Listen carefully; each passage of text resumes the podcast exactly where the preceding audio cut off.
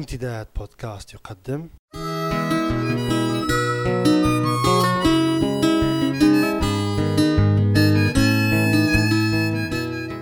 رسالة من لندن. مع جمعة بوكليب.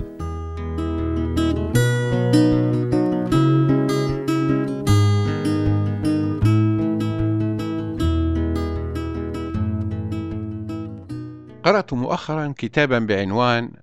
محلة الظهرة ملتقى الخصوصية والعمومية من عام 1939 لعام 1969 لمؤلفه محمد العالم الراجحي والصادر في عام 2004 والحقيقة أنني استمتعت جدا بقراءته لأنه أتاح لي تتبع تاريخ محلة من أعرق المحلات في مدينة طرابلس منذ الاحتلال التركي ومرورا بالاحتلال الإيطالي ثم الانتداب البريطاني ثم أخيرا دولة الاستقلال. وقد تعرض المؤلف بأسلوب رشيق وجذاب لأهم معالم المحلة وتطورها وبذل جهدا كبيرا في التوثيق بالوثائق الرسمية وجمع المعاصر التبدلات التي شهدتها المحلة وما طرأ عليها من تغيرات. وأنا بدوري أنتهز هذه الفرصة لأشكره على جهده القيم وأتمنى أن يكون كتابه وجهده التوثيقي قدوة لآخرين في ليبيا لكي يقتدوا به في التوثيق لمختلف المحلات والمناطق الليبية الأخرى كي يمكننا متابعة حركة التطور في مدننا وقرانا ومحلاتنا وحتى يمكننا تتبع مسار التغيرات التي حدثت فيها سلبا وإيجابا.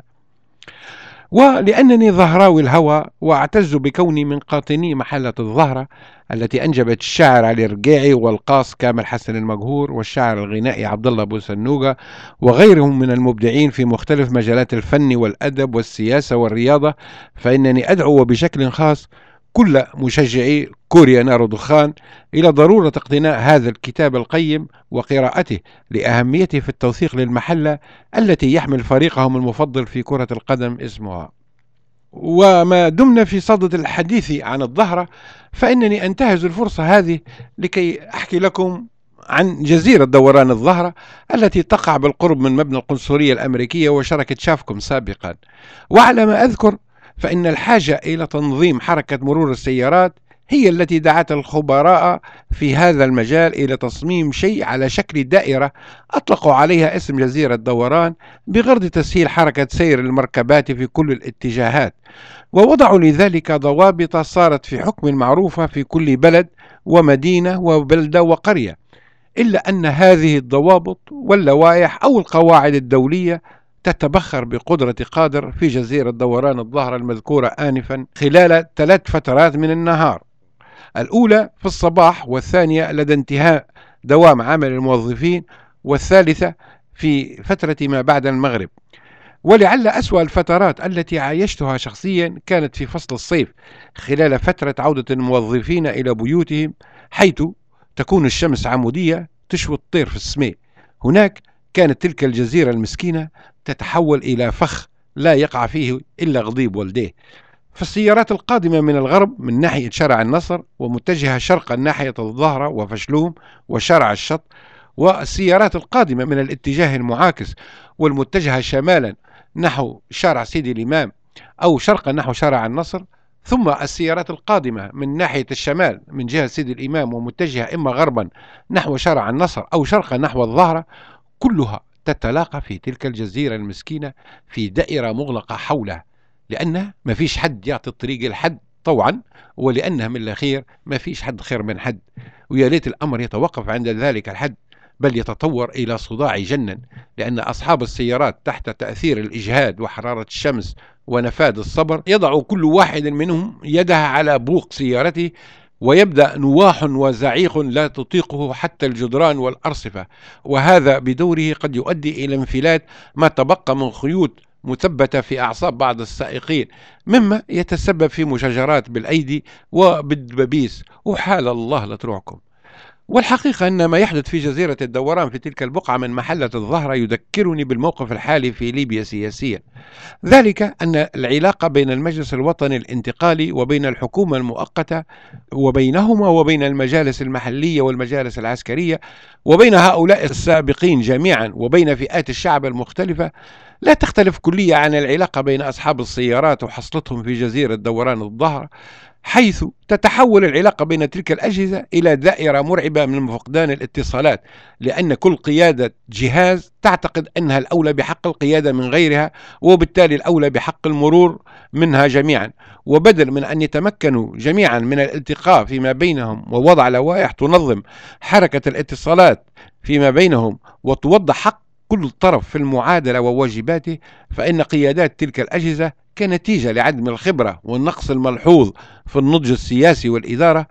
يفضل رئيس كل جهاز منها أن يركب سيارته ويسوق على كيفه في تجاهل مرير وممقوت لغيرها من الأجهزة الأخرى إلى أن وصلوا الآن في جزيرة دوران الظهرة وحصلوا على بعضهم حصل لا يتمناها المرء حتى لا عدوه ولم يستطيعوا منها خروجا وتركوا البلاد سايبة وتسير برحمة الله والصلاح والعالم يتفرج علينا ويتساءل بحيرة عن الأسباب التي تمنع هؤلاء البشر من التحاور مع بعض وتنظيم الأمور فيما بينهم بدل أن يضيعوا الوقت في عرقلة سير بعضهم وأجهزتهم والقيام بواجباتهم في حدها الأدنى على الأقل.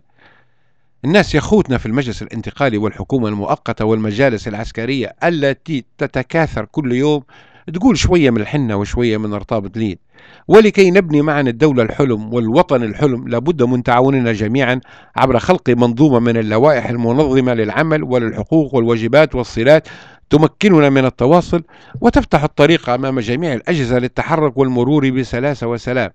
كي نتمكن معا من رسم خارطة واضحة لطريقنا الذي نريد السير فيه بغرض الوصول إلى الهدف الذي نطمح جميعا إلى تحقيقه وهو ليبيا الوطن الذي يتسع لنا جميعا باختلافاتنا وليبيا الحلم الذي نقيل في قيد أيام تحت هفهف ظلاله وحتى نلتقي مجددا أنصحكم جميعا بتفادي الاقتراب من جزيرة دوران الظهر مؤقتا إلى أن تتفاهم الحكومة المؤقتة مع المجلس الوطني الانتقالي ويتفاهموا هم الاثنين مع المجالس العسكرية وتتفهم المجالس العسكرية مع بعضها وكلهم ومع بعض يصلوا إلى صياغة في التفاهم مع أبناء شعبهم الذي ما زال لم يفقد الأمل فيهم بعد.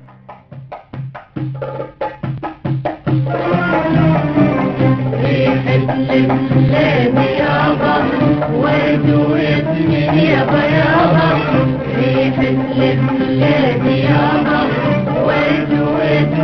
يابا يا اغلى من العين ريحة البلاد ملطفها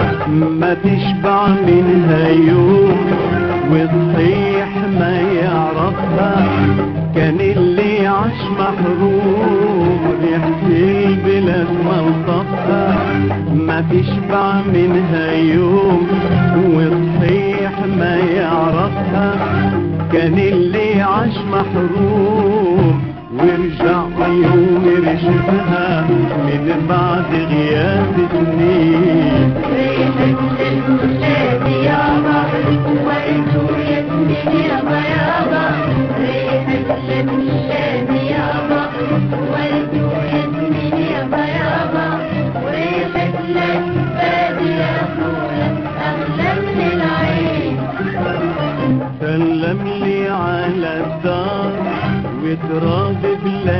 الغالي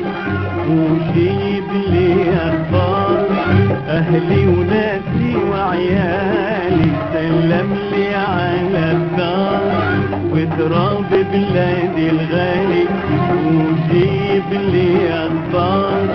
أهلي وناسي وعيالي. وتغيظ لي